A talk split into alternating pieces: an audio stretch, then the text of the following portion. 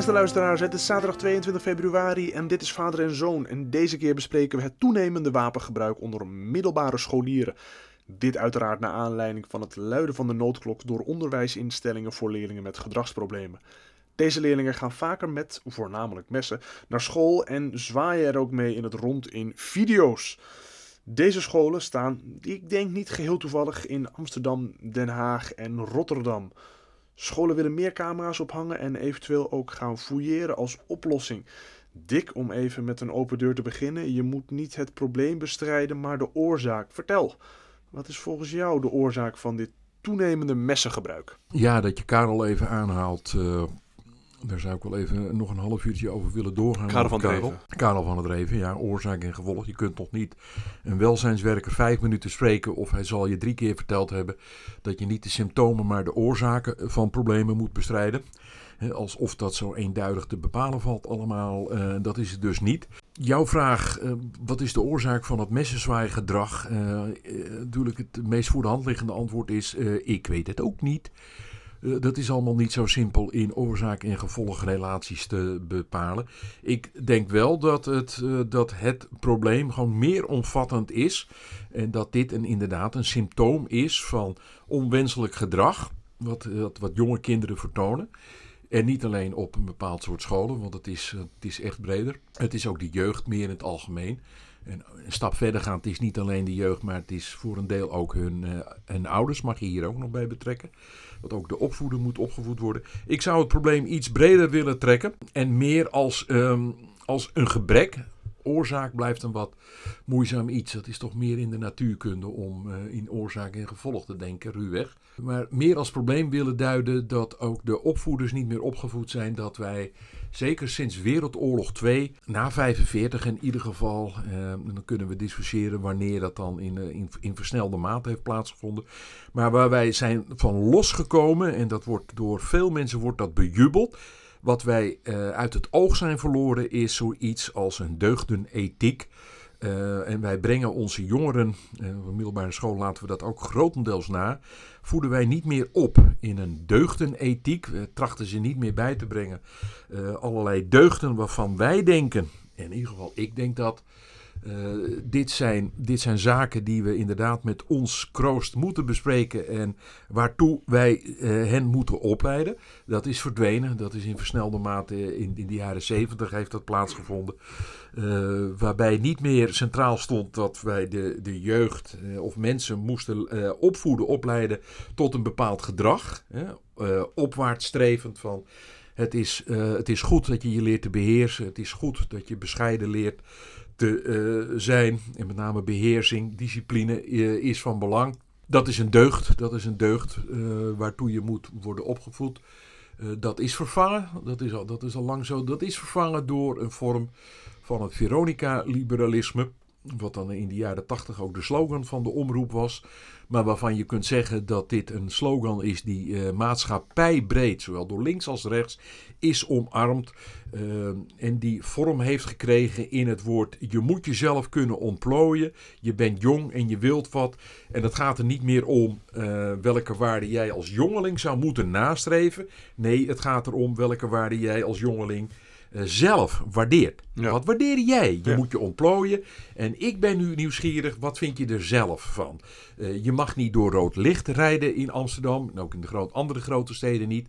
Dat heeft hier al heel lang de connotatie. Rood licht betekent eigenlijk van, nou als u zo vriendelijk wilt zijn, uh, wilt u misschien stoppen als het u schikt. Maar schikt het u niet, dan rijdt u maar door. Want ja. het gaat er toch om wat u ervan vindt. Niet wat de samenleving als geheel, als regel heeft staan. Nou, dat is, een, dat is iets wat je in Amsterdam al heel erg lang ziet.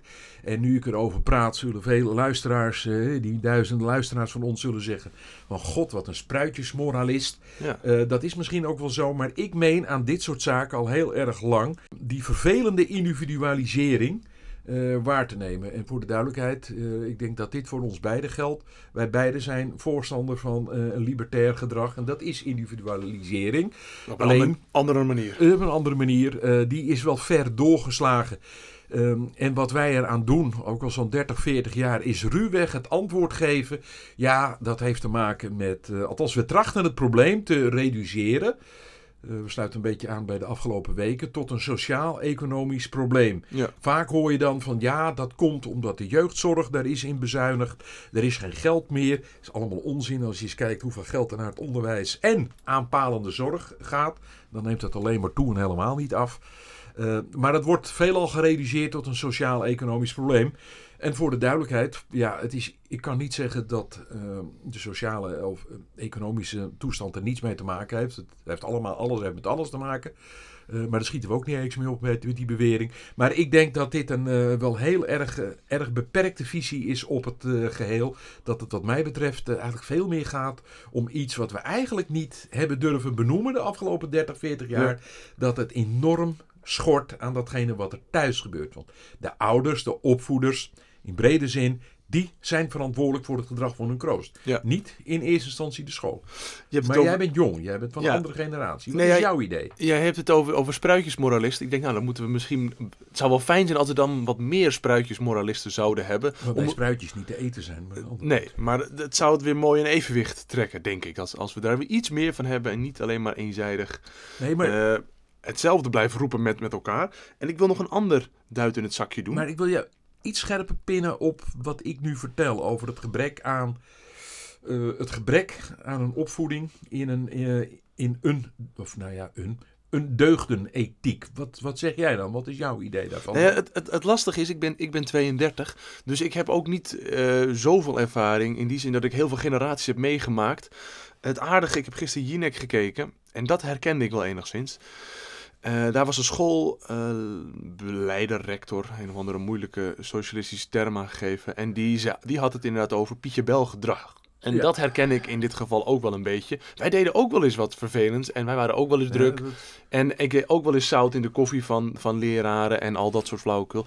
Maar, maar met messen zwaaien was er bij ons in, in de verste verte niet bij. Nee, dat... Geen enkele bedoel, manier. We zouden dit inderdaad eh, met Johan Kievit, de, in dit geval de schrijver van Dick Trom, je zou dit Dick Trom gedrag eh, kunnen noemen. En ik zou ook iedereen aanraden de boeken van Dick Trom opnieuw te gaan lezen, want dat is eh, wel degelijk interessant en de moeite waard. Het Dick Trom gedrag is van alle tijden. Dick Trom is ook van het begin van de vorige eeuw. Eh, het Dick Trom gedrag is van alle tijden, daar hoef ik niet over te Kinderen hebben. zijn druk. Het kattenkwaad, ja, ja, maar toch op een andere manier, toch op een andere manier. Ja. Ik bedoel, ehm, je hoort dan tegenwoordig ook van ja, de klassen moeten kleiner. Hè? Vroeger, de klassen zijn met 30 man is veel te groot, dat moet naar 15. Waarbij ik even ruwweg zeg, dat zal dan betekenen dat het bedrag aan onderwijs, dat klopt niet helemaal wat ik nu zeg, maar ik heb het niet uitgezocht. Maar als we de klassen van 15 gaan nastreven, dan moet het bedrag aan onderwijs moet verdubbeld worden. Dan hebben we twee keer zoveel klassen en tweemaal zoveel uur eh, eh, uitgegeven eh, op een school. Aan docenten en dergelijke. Eh, dat gaat peperduur worden. Maar de gedachte hierachter is dat vroeger waren de klassen trouwens nog veel groter. Hè. Kijk eens naar eh, kl- klassenfoto's uit de jaren 20, 30. Dan kom je regelmatig 40, 45 man eh, eh, tegen. En toen waren de klassen ook al veel te groot. Eh, en toen werd er ook het nodige aan kattenkwaad uitgehaald. Lees Dick Trom, eh, lees de AFC'ers en de katjangs van J.W. Schuil. Eh, ik bedoel, in die zin is er weer niet zoveel veranderd. Echter, eh, ik blijf hier toch, eh, toch vasthouden aan Dick Trom. Die, eh, die pest de heks van de achterweg overdag. Pesten, treiteren, jongeren en eh, oude vrouwen, noem alles maar op. Die de heks werd genoemd. maar Dick gaat s'avonds na het eten met een pannetje soep van zijn moeder. Naar de heks op de achterweg en belt daar aan, klopt daar aan en geeft de heks een pannetje met soep. En biedt daarmee eigenlijk zijn verontschuldiging aan. Beseffend, beseffend, doorhebbend dat dit eigenlijk niet kan. Dat laatste aspect is grotendeels, grotendeels weg. Eh, we kunnen ons niet meer gedragen. Als je een groep jongeren bijeen hebt, dan is dat een groot probleem om die in het gareel te houden. Als je een dagje met een klas op pad gaat, dan ben je eigenlijk ongelooflijk blij dat je zegt van, eh, dat je een schoolleider kunt zeggen, het ging hartstikke goed. Waarbij de gedachte van, ja, maar is het niet eigenlijk ook eigenlijk een normaal iets dat als je een excursie hebt, dat kinderen zich enigszins gedragen. Het idee van beheersing, en even voor duidelijkheid, dat is niet alleen bij kinderen, bij jonge kinderen. Het idee van beheersing eh, in ons sa- soort samenlevingen is, eh, is toch wel redelijk ver te zoeken. Het punt, het punt, bij van, ouderen dus, hè? ja, het punt van beheersing en discipline is gemaakt. Ik ben het daar met je eh, mee eens. Ik wil een, een tweede punt aanhalen. Eh, gisteren nogmaals, ik keek naar Jinek en daar was schoolbestuurder Mariette van Leeuwen. En die zei, en daar ben ik het met haar mee eens... eh, we hebben tegenwoordig ook veel vaker te maken met gebroken gezinnen. Kinderen, Ja, ja, eh, ja, en kinderen blijven dan bij hun moeder vaak. Veelal meer. Ja. En die zeggen ook, dat zijn haar woorden, die zeggen ook, ik heb mijn eigen kind niet meer onder controle. Wat, Nee, hoe maar- gaan we daar dan mee om? Nee, dat, Zo'n cursus opvoeden of zo? Maar ook dit is een consequentie van, dat, eh, van deze oprukkende individualisering. En het idee van je moet doen wat je zelf goed dunkt, ongeacht de consequenties van jouw gedrag. We hebben de gebroken gezinnen hebben we gefaciliteerd. Je kunt nu uit elkaar en dan heb je onmiddellijk weer, dat hoor je dan ook onmiddellijk weer, hè, ik heb recht op een eigen woning. eh, dan wordt Mark, Mark Rutte onmiddellijk verantwoordelijk weer gesteld. Ik heb recht op ondersteuning en uitkering. Het is tegenwoordig de laatste 40, 50 jaar veel makkelijker gemaakt en geworden om uit elkaar te gaan. Waarbij het er niet om gaat dat je niet uit elkaar kunt gaan. Dat, daar gaat het mij verder niet om. Ik heb wel het punt, moeten wij dit als samenleving eh, financieel faciliteren? Daarvan denk ik, nee, dat doen we nu weer niet. Maar het tweede punt is nu weer het, het uit elkaar gaan. Het niet gezamenlijk opvoeden, man, man, vrouw, vrouw. eh, of welke combinatie dan ook. Eh, ook hier. We hebben een redelijk vermoeden dat kinderen uit een eenoudergezin eh het heel wat moeilijker hebben Ja. dan tweeouder, eh dan kinderen in een tweeouder eh, gezin. Maar een eenouder gezin is een heel normaal verschijnsel geworden. Eh, en iedereen zal zeggen, ja, maar het is prima als je niet meer bij elkaar wil blijven. Dan moet je er maar een punt achter zetten, ongeacht wat dat dan betekent voor die kinderen. En dat zal om, ik zal onmiddellijk worden tegengesproken door Jan en Alleman. Maar ik zou in dit geval naar de cijfers willen verwijzen. Eh, zoek de cijfers er maar bij. En kijk maar naar het aantal kinderen uit eh eenoudergezinnen. Dat is, eh, dat is overweldigend. Dat is enorm. Ja, Dat nee, is niet 5, 5, 6, 7 procent. Maar dat gaat wel naar de 30, 40 procent. ja, nee, we zijn. Waarbij ik dus denk van ja, je hebt die kinderen op de wereld gezet. Je draagt daar verantwoordelijkheid voor. En als het jou niet schikt of past, dan kan dat wel degelijk vervelend zijn. Maar besef, jij, jullie Ja, zijn verantwoordelijk. nog altijd. Niet de samenleving als geheel. En ja, we moeten het ook, ja, eerder zouden we het financieel moeilijker moeten maken om, om te breken dan dat we het makkelijker maken. Ja. Het moet in ieder geval niet gefinancierd worden.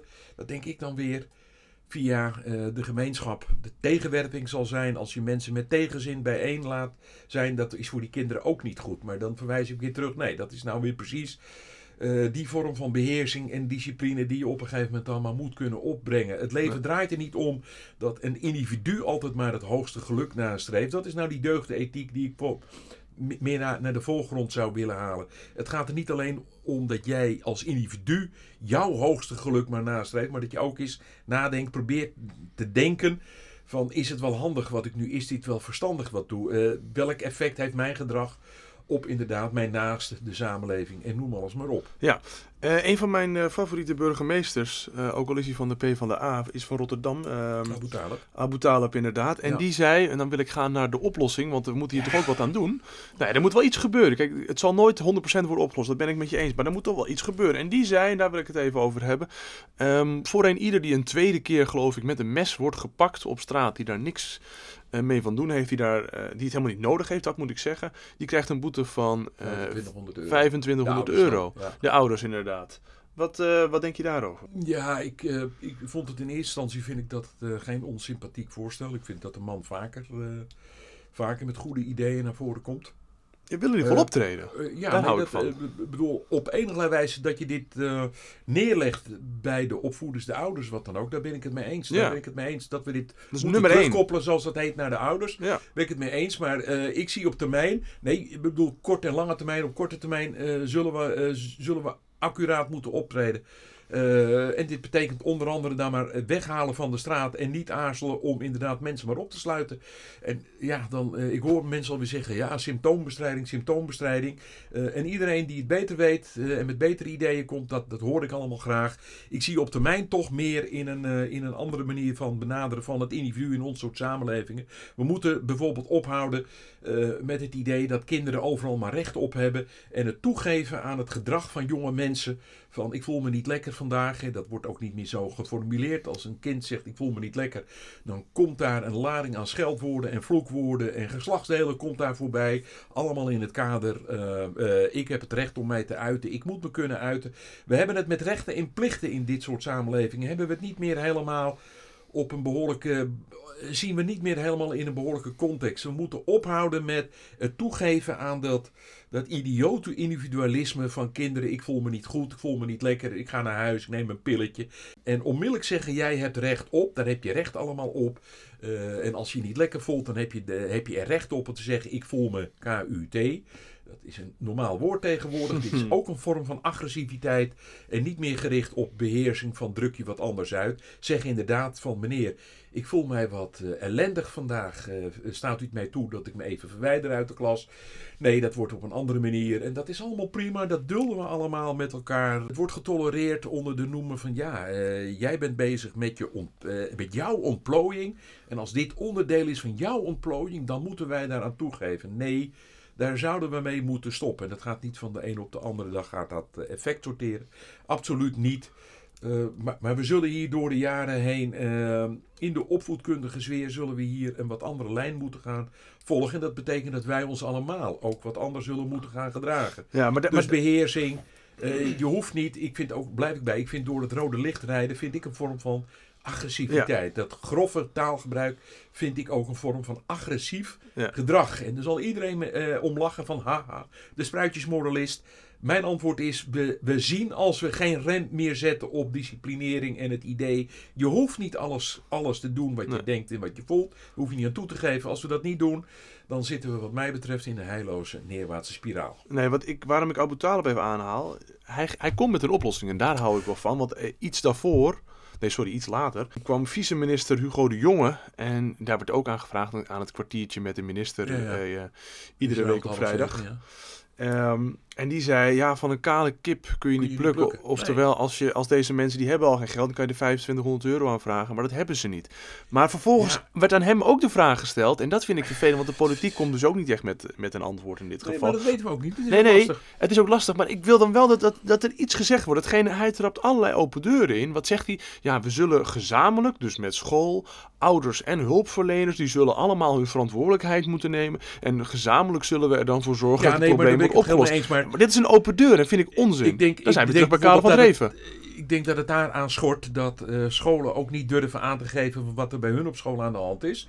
Uh, uit angst een negatieve naam te uh, krijgen. Ook daar zullen we van af moeten. We zullen gewoon moeten eisen van scholen dat ze openheid geven. En stoppen op die open avonden zichzelf te presenteren als... Toneelstukjes inderdaad, het opvoeden van toneelstukjes. Ouders moeten wat dat betreft ook, wat dat betreft, weer leren kritisch te zijn, maar op een andere manier. Namelijk kwaliteit eisen en doorhebben dat we, eh, dat we inderdaad in een langzamerhand verkeerde samenleving terechtkomt. Waarbij de ouders dan weer door moeten hebben: ik moet niet lid zijn van de vakbond van mijn kind. En als vakbondsvertegenwoordiger voor mijn kind optreden. Maar ik dien mijn kind op te voeden en door te hebben dat mijn kind uh, waarschijnlijk ook heel erg lief is, maar daarnaast ook geneigd is tot vervelend gedrag. En daar dien ik als opvoeder corrigerend op te treden. Toen ik vroeger, opa spreekt, als ik vroeger thuis kwam en ik vertelde thuis aan tafel dat ik uh, straf had gekregen op school. Nooit zeggen. Uh, nee, nee, dat, uh, daar, daar was je dan ook zeer voorzichtig mee. Maar dan denk je, ja, bedoel, jij denkt toch niet jouw opa, mijn vader, dat hij heel uitvoerig begon van, nou Dick, vertel eens wat er is allemaal gebeurd. Ben jij onheus bejegend? Uh, ja. Klopte het allemaal niet? Hè? heeft een docent jou misschien toevallig licht aangeraakt op je schouder? Want in dat geval stuurde ik onmiddellijk mijn advocaat erop af. Wat dan ook, ik kreeg van mijn vader een tik voor mijn, ja. een klap voor je harsen, zoals dat heet.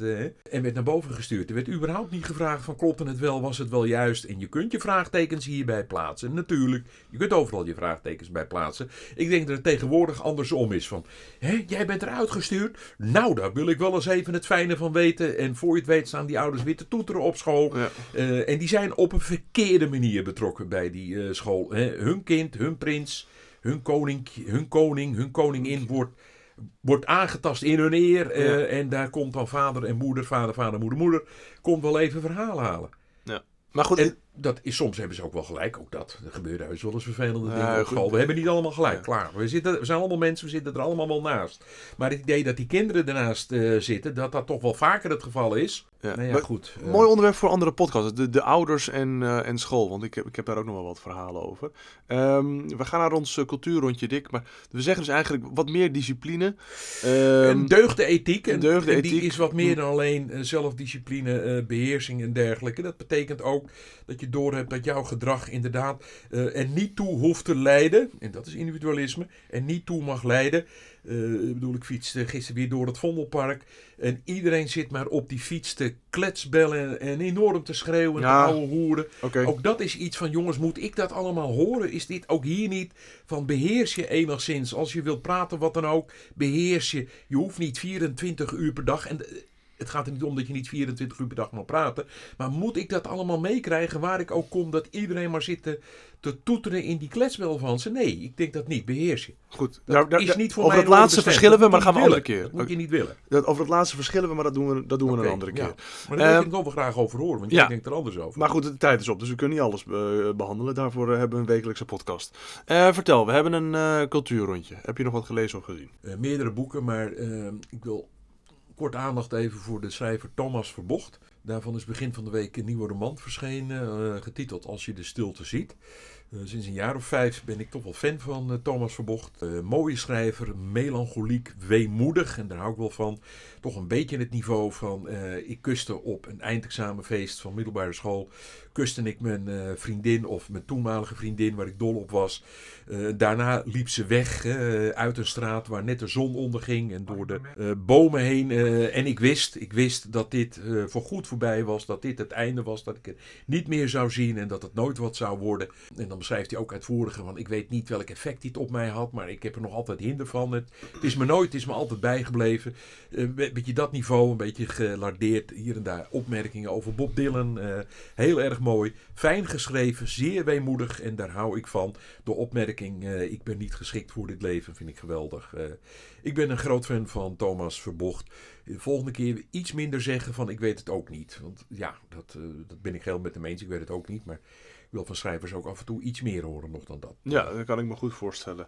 Er was iemand die vroeg aan mij van kunnen jullie ook eens een keer iets iets wat luchtigers, iets wat, wat humoristischer nou, ik wil uh, brengen. graag een keer over Ajax hebben ook. Ja, dat, nou, dat is op, momenteel niet echt humoristisch. Maar die vroeg, kunnen jullie ook eens een keer wat humoristisch behandelen? Ik zei, nou prima. Ik ben afgelopen maandag ben ik naar de beentjes van Sint Hildegaard geweest. Over Herman Vinkers? Uh, nou, niet over Herman Vinkers. met, met, ja, ja, met Herman Vinkers inderdaad. Dat is voor de oudere luisteraars denk ik van een bekende cabaretier. Herman Vinkers, uh, de cursus omgaan met teleurstellingen gaat vandaag niet door. Gaat wederom niet door. ja. ja, nee, ontzettend leuke cabaretier inderdaad. Uh, en wat, er, wat, voor, wat voor mij vooral is bijgebleven, ik ga niet het hele verhaal vertellen, maar de man-vrouw verhouding. Namelijk, hij wordt constant gecorrigeerd door zijn vrouw. Elke keer met de opmerking, ach, hoe kan jij dat nou weten? En dan vraagt zij aan hem, wil jij een kopje thee? En zegt hij, nee, nee Gerda, ik, uh, ik hoef geen thee. En even later komt ze toch met een kopje thee aan. En dat gaat de hele film gaat het zo door, waar hij natuurlijk knetter en knetter gek van wordt. En waar een heleboel mensen om moeten lachen. Maar het leuke is dat een heleboel mensen zitten in deze relatie, wat mij betreft. Ik heb al een heleboel mannen gezien waarbij ik denk... God man, wat word jij gedomineerd door je vrouw en je durft er niets en niets van te zeggen. Wat, uh, wat jammer. Ja, is dat zo? Ja, een heleboel. Ook oud-vrienden van mij die, die ouders hebben. We, ik denk ook dat, dat die, die worden, een enorme stempel zet op het... Uh, mijn hemel, die worden gedomineerd en die durven niks te zeggen, anders hebben ze ruzie. En ook opa trouwens, daar komen we toch weer, die zei vroeger ook dik, dus tegen mij in dit geval. Nou, la, laat maar even zitten, want an, an, anders wordt, krijgen we ruzie met oma in ik dit durf, geval. met Maarten het Hart, de vrouw bestaat niet, ook te zeggen dat bij ons thuis mijn moeder bepaalde wat er gebeurde. ja. Precies. Nou ja, goed. Uh, in de film is het natuurlijk allemaal zeer humoristisch, maar er zit een, een, kern van waarheid in die een heleboel mensen denk ik misschien niet herkennen. Zeer gelachen, uh, zeker naartoe gaan. Ja, nee, nee goed, Herman Vinkers is sowieso natuurlijk uh, erg de moeite, zeer humoristisch ja. over het algemeen. ja. Het is een ander soort humor, dat, dat, dat wel. En daar moet je wel een beetje van houden. Dus je moet even, misschien even wat, wat filmpjes op YouTube, YouTube even opzoeken. Even kijken of je het leuk vindt, Herman Vinkers. Nou, en als je dat leuk vindt, dan... Een zeer, eh, zeer, zeer bekende cabaretier. Zeker, zeker. En ook aardig aansluitend bij uh, deels de inhoud van onze podcast. Nou, ook eens een cabaretier die inderdaad niet, gelukkig niet uitblinkt in grofheid en in nee, ruwheid. Nee, dat is waar. En dat brengt onder de noemer uh, individuele vrijheid. die heb je. Maar je hoeft niet alles, alles, alles te doen wat je in je hoofd hebt. Nee, mee eens, mee eens. Dick, dan uh, ronden we hem hierbij uh, weer af. Mijn naam is Dick. Mijn naam is Dick. En dit was Vader en Zoon.